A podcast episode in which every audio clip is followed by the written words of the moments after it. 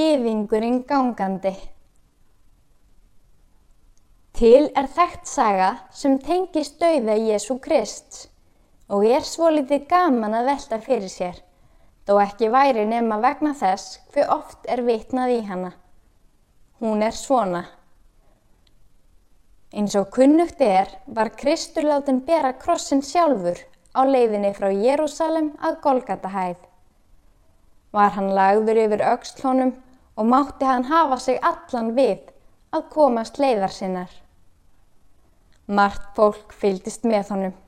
Sumir gengu í humátt og eftir honum en aðrir stóðu við húsín og sáu gönguna fara hjá. Einn af þeim sem þarna byggu var skósmiður sem hétt Ahasverus. Hann trúði ekki á Krist en hafði verið viðstöldur þegar Pílatus hvað upp dauðadómin yfir honum. Ahasverus vissi að fylgdin myndi fara fram hjá húsi hans og því hljópan heim til að segja fólkinu sínu að fylgjast með þessum manni sem hafði sveikið geðinga. Og nú stendur Ahasverus í dýrunum á húsi sínu og hjælt á litlu barni sínu. Jésús er þá alveg að kikna undan oki krossins og tekur sér stutta kvild við hús Ahasverusar. Nú vildi Ahasverus ganga í augun á mannfjöldanum og hann skipaði Jésu miskunarlaust að koma sér úr spórunum. Jésús hlíti honum en um leið og hann gekk áfram, leitt hann á skósmiðin og sagði Ég mun að lokum fá mína kvíld, en þú, þú mun þurfa að halda áfram að hinsta degi og aldrei njóta kvíldar. Ahasverus heyrði orð hans og vöktu þau strax einhver deg í brjósti hans. Hann lagði barnið niður og fyldi múnum upp á Golgatahæð þar sem krossfestingin fór fram. Þar fylgdist hann með þanga til allt var yfirstaðið og þegar fólkið snýri aftur niður hæðina fylgdi hann því og fór svo heim til sín. Þar hvatti hann konu sína á barn sem ekki vissu hvaðan á sig stóð veðrið. Og hann hjælt af stað. Í höfði hans ómaði einhver rödd sem yfirgnaði allt annað. Áfram, sagði hún. Áfram. Já, það var á þeim degi sem gýðingurinn gangandi hóferð sína. Mörgum árum síðar Hann vissi sjálfur ekki hvað mörgum. Snýri hann aftur til Jérúsalem. En þá var borgin rústir einar og kona hans og barn löngu dáin.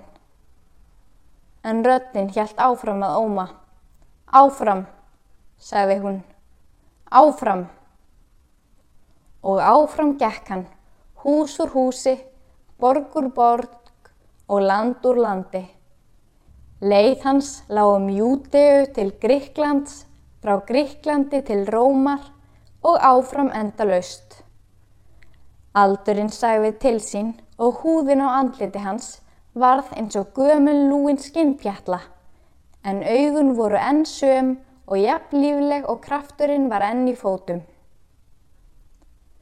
Hann gekk áfram jæmt í stormum og stórhríðum sem brennandi eyðimerkur hitum og aldrei var þónum místægurt þannig að hann gæti ekki haldið áfram.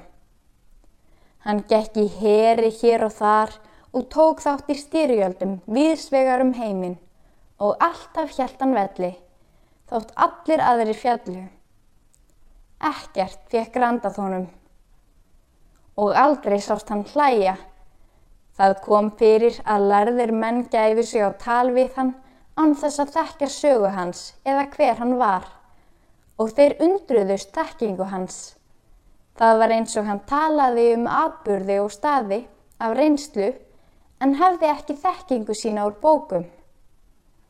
Stundum hristu þeir bara höfuðið og töldu hann vera eitthvað rugglaðan því auðvitað gæt hann ekki hafa upplifað atburði sem áttu sér stað fyrir hundruðum ára eða það heldu þeir að minnstakosti.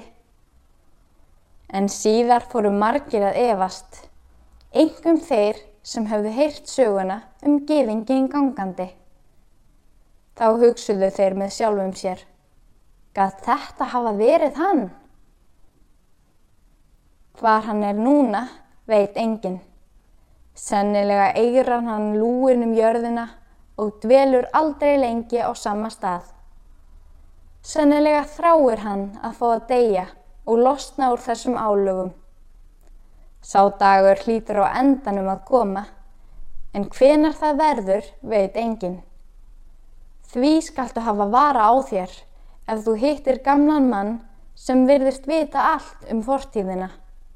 Kanski er það gyðingurinn gangandi. Erlend þjóðsaga